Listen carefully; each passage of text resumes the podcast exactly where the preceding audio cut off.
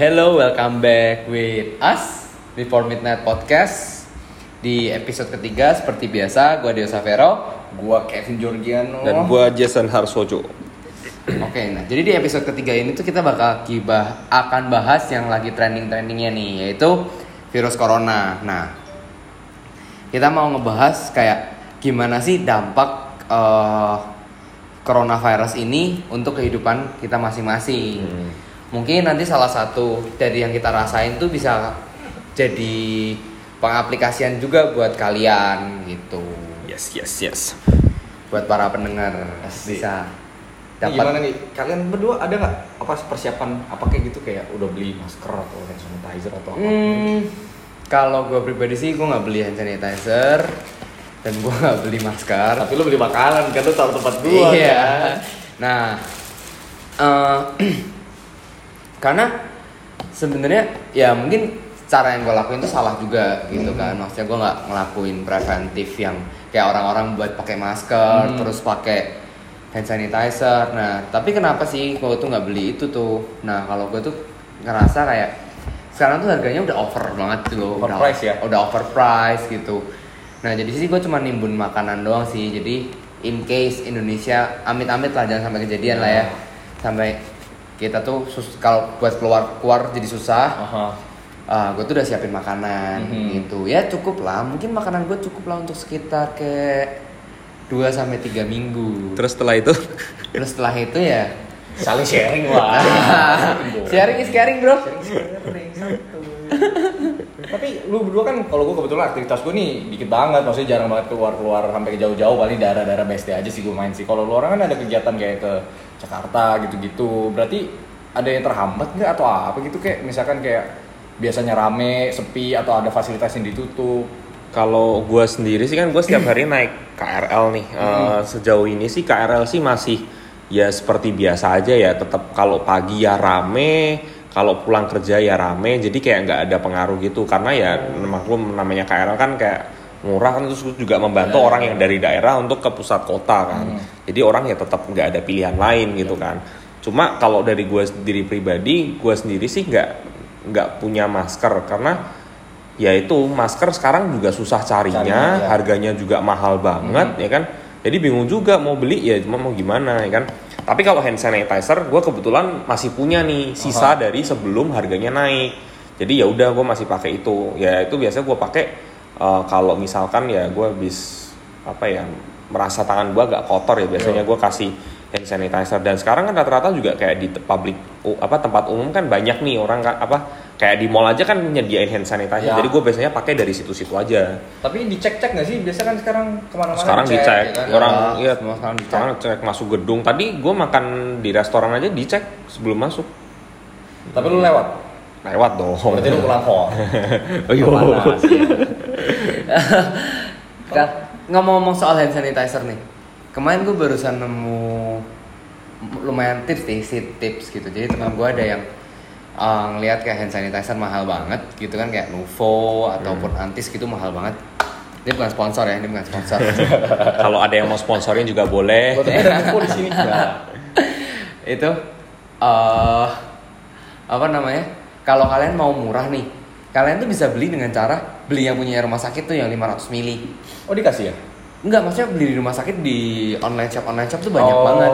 Dan harganya tuh cuman kayak terakhir gue lihat 200 ribu tapi lu dapat 500 500 mili. Iya iya. Oh, iya, menurut gue sih juga kayak gitu sih. lu beli botol refill sendiri kan? Hmm. Itu jauh lebih murah gila. Karena menurut gue gini sih, kalau antis ataupun yang Nuvo yang gitu-gitu itu Nggak membasmi ya sebenarnya? Iya karena setahu gue sih dia nggak sampai kandungan alkoholnya nggak sampai 70% Sedangkan kalau misalkan corona ini lu mau benar-benar terbebas kumannya lu harus minimal 70% Jadi harus pakai yang model-model yang kayak di rumah sakit itu Iya. kayak gitu Jadi kalau menurut gue antis kayak masih kurang ini sih karena ya nggak tahu gue nggak tahu kandungannya sih Mhm. kayak gitu sih Tapi masih belum pasti juga kan ini antis beneran nggak ngefek. Iya, gue nggak tahu sih antis tuh kayak kandungannya berapa. Tapi kalau memang kandungannya dia sampai 70% ya oke berarti dia berarti bisa, bisa untuk menangkal, ya.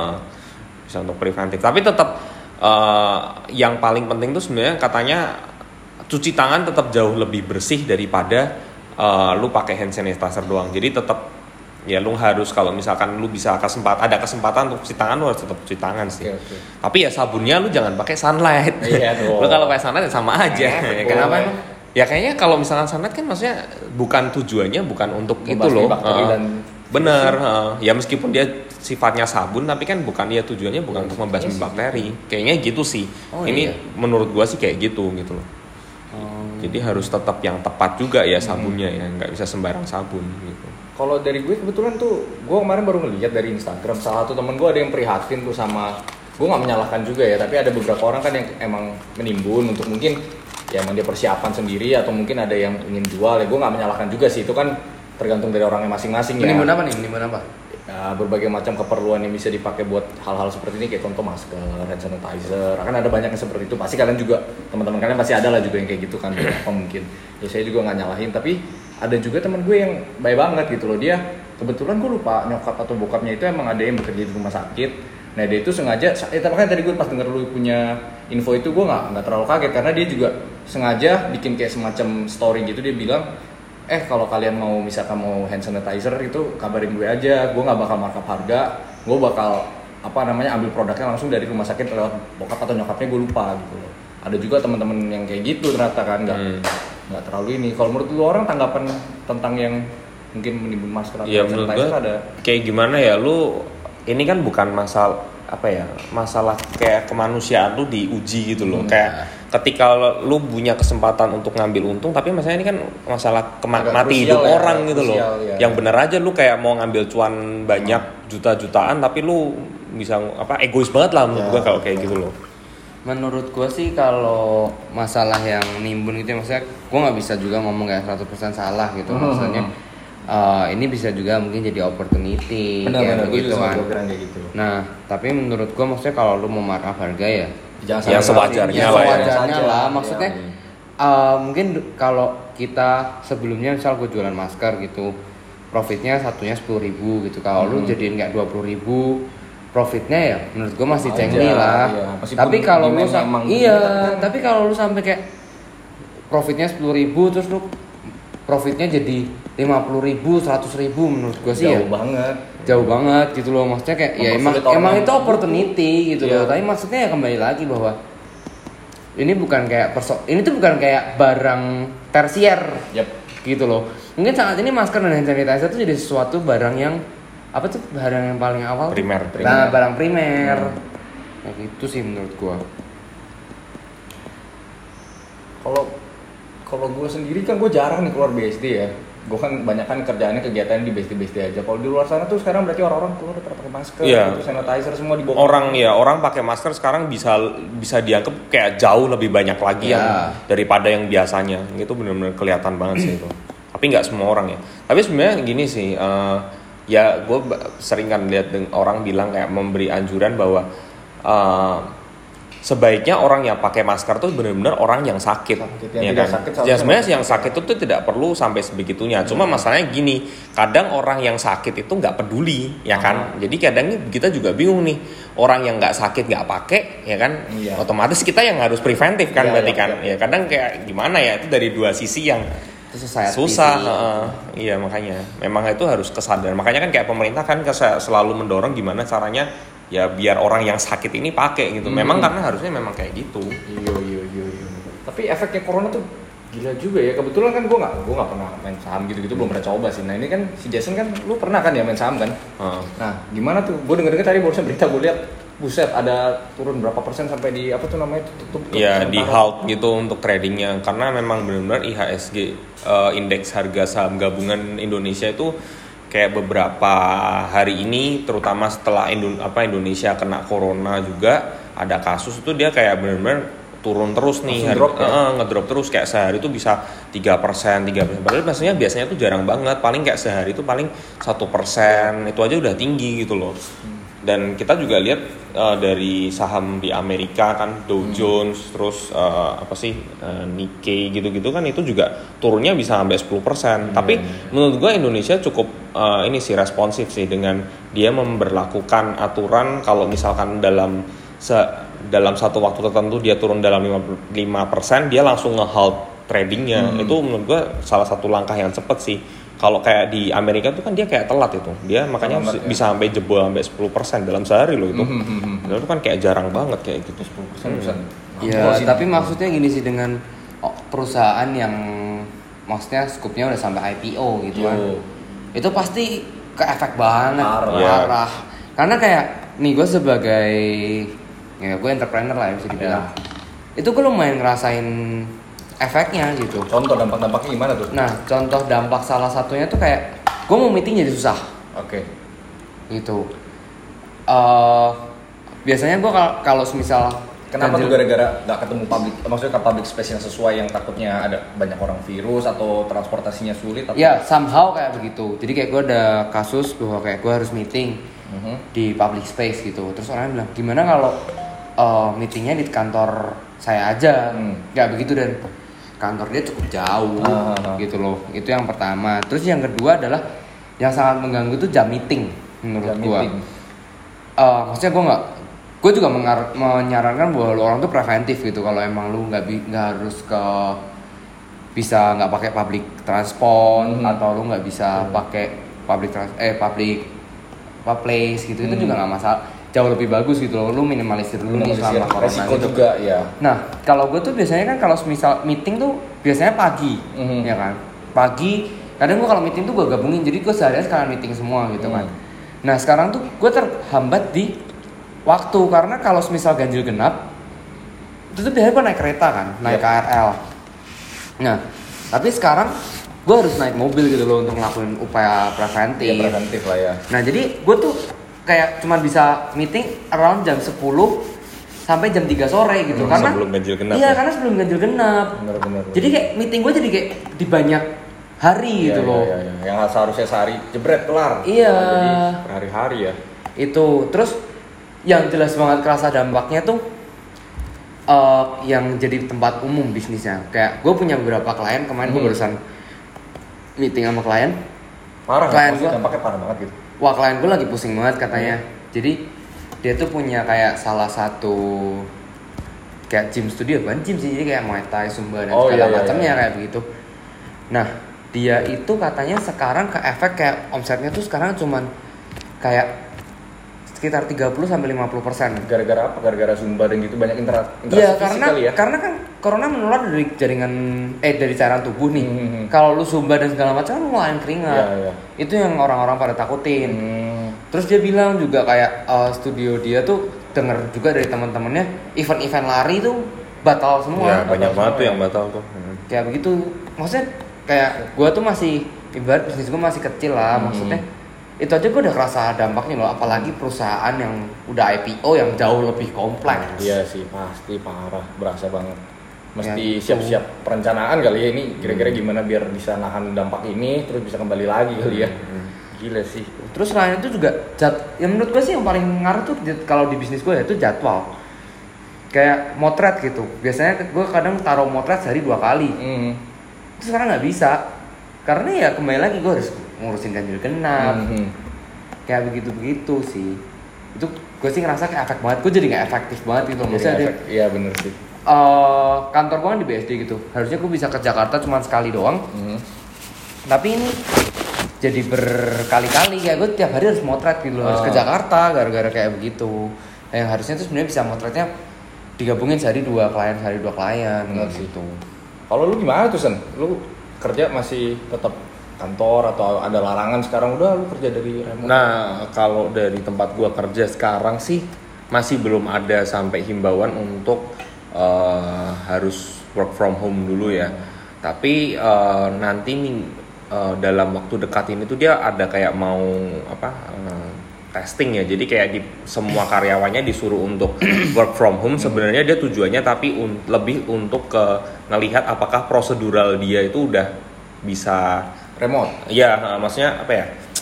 Eh, ya dia mau ngetes proseduralnya dia tuh apakah udah bisa nih untuk nge menghandle uh, work from home Oh, dari iya. secara company wide Yap, yap, gitu loh. yap, yap. Nah, dia mau Sekalian ngetes ya eh, ya. dia mau ngetes itu sebenarnya. Jadi dia kayak mau ngetes untuk sehari dulu nanti. Jadi dia bisa jaga-jaga nih kalau memang dari pemerintah Jakarta mewajibkan untuk, Untuk semua semua, masuk. harus nggak boleh masuk. Nah itu nanti dia bisa udah udah siap Kayak gitu. di. Wuhan gitu ya? Iya, heeh, makanya. Tapi ada nggak kejadian kayak kan lu perusahaannya kan lumayan gede tuh tempat lu kerja itu ada maksudnya ada kayak kasus misalkan ada yang kena atau ada yang udah terjangkit Ya, corona so gitu. far sih uh, belum ada kabar Belum kayak ya? gitu dan semoga nggak ada gitu Iya, kan. iya. Uh, tapi dari apa tempat gua kerja sendiri sih kayak udah ada langkah preventif ya selalu ngecek suhu terus hand sanitizer di mana aja tuh Mana selalu aja. ada jadi kayak ya paling nggak kita dikasih fasilitas lah yang Iya. mau memadai kayak gitu. Tapi buset sih hand sanitizer yang pada saat kemarin kita sempat makan di Ion ya kan kalau Iya, kita ini kan. Kita makan di Ion hand sanitizernya di tempat makan ada tempat Ya, masuk ada ya, di mana-mana Itu ada kan. beda-beda ya Iya. kan buset Ya, gila sekarang- sekarang mantap banget tuh bener-bener semua biar corona nggak terlalu menyebar nih wah sehabis sih Tapi gue juga sebenarnya cukup aware, cukup appreciate juga sih dengan tindakan-tindakan preventif yang Ya. diberikan masyarakat gitu loh. Kayak eh, orang tuh udah mulai sadar gitu, eh gue lagi enak badan, gue nggak gue nggak keluar Hmm, deh, ya, kayak ya, begitu ya. begitu. Kayak gue appreciate sih orang-orang yang kayak begitu Hmm. gitu. Tapi maksudnya kalau dari gue pribadi sih maksudnya lu preventif tuh bagus gitu tapi maksudnya jangan sampai over lah Ya. maksudnya jangan sampai lu kayak ah gue nggak mau kerja gue takut Hmm. gue kena corona Hmm. gitu loh Hmm. dengan lu kayak begitu juga maksudnya ya misal lu nggak kerja bayangin itu lu cuma satu dari sekian penduduk Hmm. Indonesia bayangin kalau misal 50% Indonesia kayak begitu wah habis Wah gila Indonesia. perekonomian Indonesia habis Habis. gitu Iya, iya. either ways kayak ngomong ngomong jeleknya ya Hmm. lu kena corona atau lu nggak bisa makan gara-gara perekonomian hancur Hmm.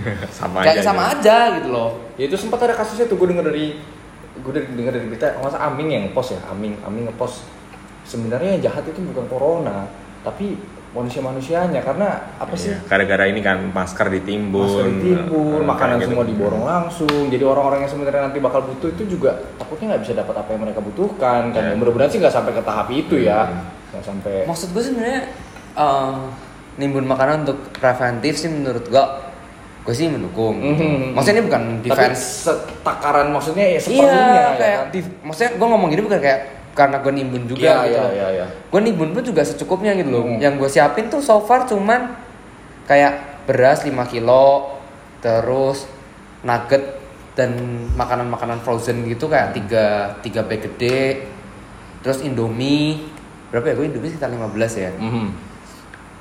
ya gitu tapi gue ngeliat waktu gue gue belanja itu tuh waktu hari pertama corona ada kasus di Indonesia Yo. gue ngeliat ada orang yang beli beras 5 karung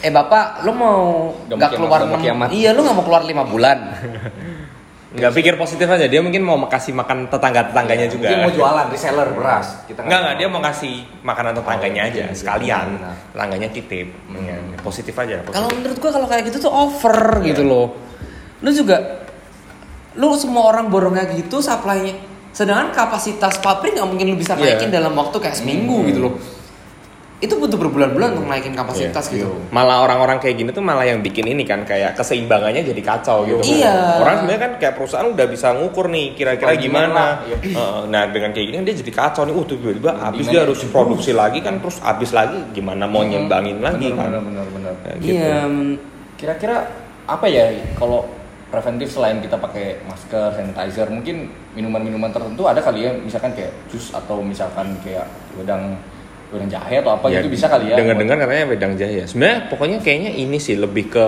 apa pun yang meningkatkan imunitas tubuh kali Yap. ya, lebih ke situ kali ya. Hmm. Jadi biar kita nggak lebih gampang sakit lah. Tapi ini risetnya dibuktikin nama siapa sih? Maksudnya si siapa jahe gitu ada yang tahu nggak jahe? enggak gitu? jadi tuh eh bahkan alkohol katanya alkohol sempat katanya kan bener nggak ada kan? Iya ya alkohol ngurangin resiko tapi ya maksudnya ada juga tuh yang mati gara-gara kebanyakan Iya, alkohol iya, iya. sih geblek gitu Iya. kan.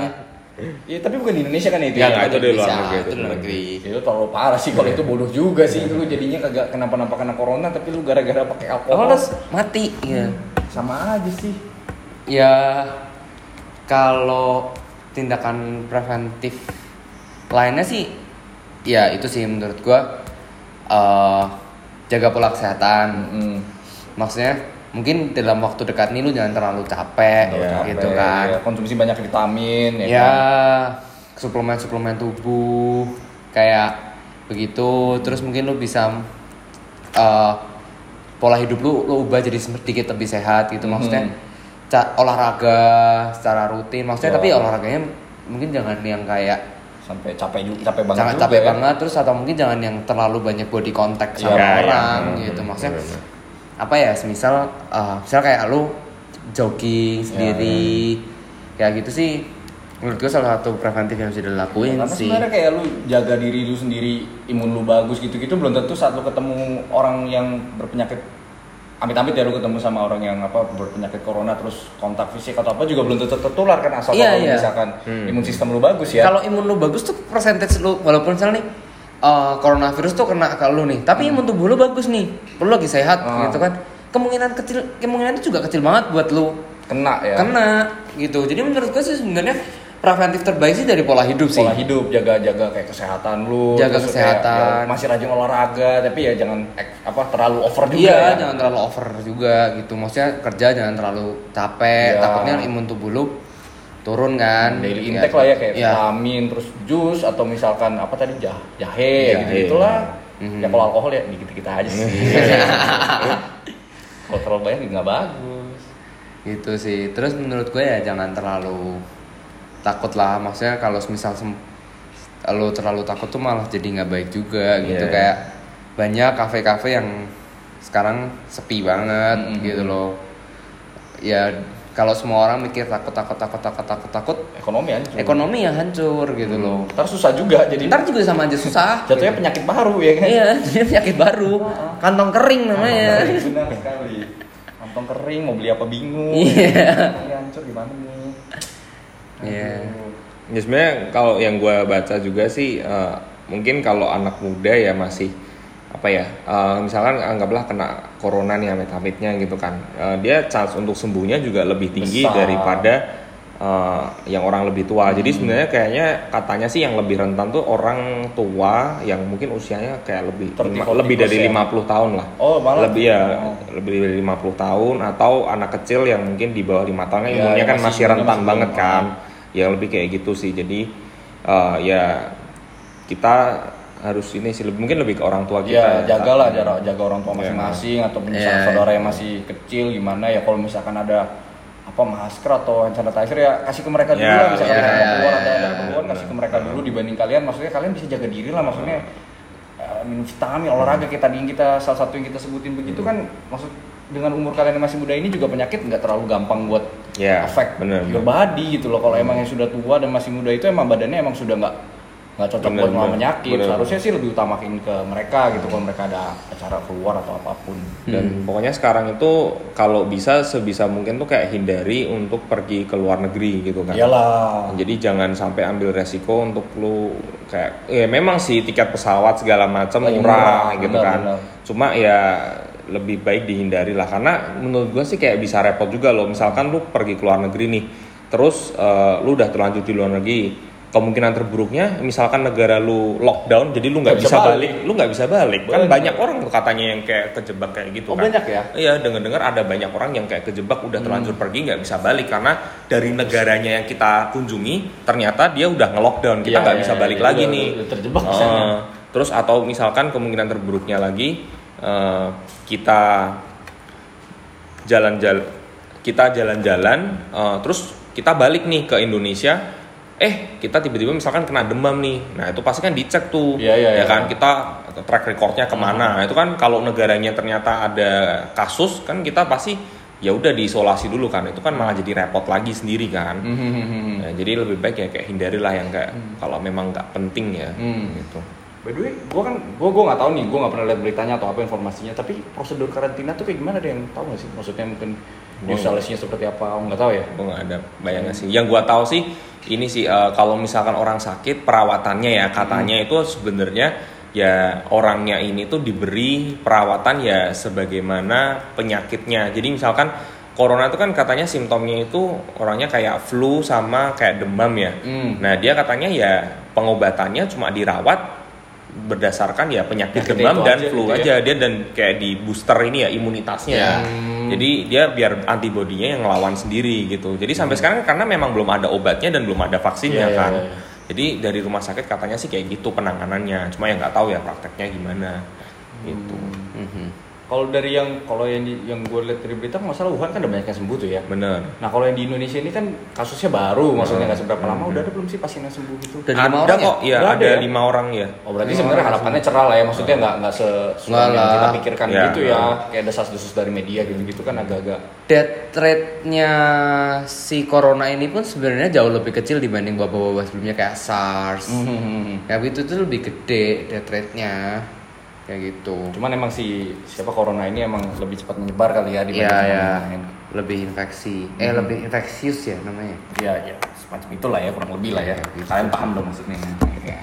Nah ini mungkin gue mau share dikit nih. Jadi ada satu website di mana ini tuh adalah apa ya eh, website yang dibikin sama relawan orang-orang lah yang peduli dengan masalah eh, corona ini. Itu nama websitenya tuh adalah kawalcovid19.id. Jadi ini dibikin sama orang yang dulu bikin kawal pemilu. Kalau bagi kalian yang tahu, dia itu ngupdate eh, berita tentang jumlah eh, orangnya yang kena berapa, yang sembuh berapa, yang meninggal berapa, dan dia ada data dari Google Sheet-nya dia tuh lengkap tuh.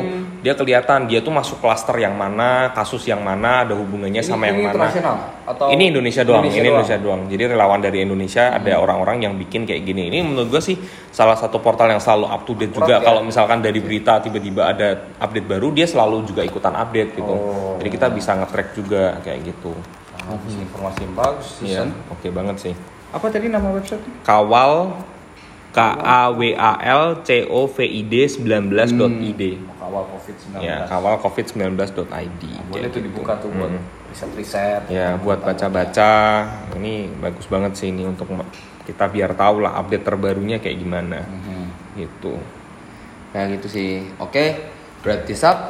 eh, jadi kesimpulannya adalah lakuin tindakan-tindakan preventif kali ya buat kita kita sendiri juga. Maksudnya kayak ya kalau lu ada hand sanitizer, gunain hand sanitizer, gunain masker. Ya, Terus juga tapi ya Jaga kalau diri lah, paling jaga diri lah kalau misal kita punya hand sanitizer lebih dan ada orang yang lebih membutuhkan dan kita masih usia yang boleh dikata sehat, kita nggak Ya. punya penyakit apa pun, bisa lah coba di kasih Kasihin dulu ya, gitu. Emang nggak semuanya tapi kasih seberapa ya. Iya, fine oke lah. Tapi ya Ya, tetap gitu. lu juga prioritasin diri lu sendiri jangan semuanya lu kasih juga ya nggak. Itu, nggak terus- juga. mungkin kurangin kayak ke naik transportasi umum Betul, kalau emang nggak kepepet terus uh, kurangin juga ke tempat-tempat public space. Yo. tapi ya maksudnya jangan lebay sampai kayak lu gua nggak mau jalan-jalan nih ke mall gitu town, maksudnya. maksudnya kalau kayak biasanya setiap hari mungkin ya jadi seminggu tiga kali gitu. Maksudnya preventif bagus tapi jangan sampai lu matiin roda perekonomian. Kayak gitu Betul, sih. gue sih sebagai entrepreneur bilangnya gitu ya. Karena gue kasihan dari klien-klien gue Ya, ya. banyak yang mengeluh seperti itu. Dan gue sendiri pun juga gue mengurangin tapi juga bukan berarti kayak gue nggak nongkrong dan segala macam gitu loh. kalau gue emang jenuh ya gue nongkrong gitu karena kenapa hati yang sehat adalah obat yang Hmm, yo. Yes, gitu. gitu sih. oke gitu aja see you on the next episode bye bye Bye-bye.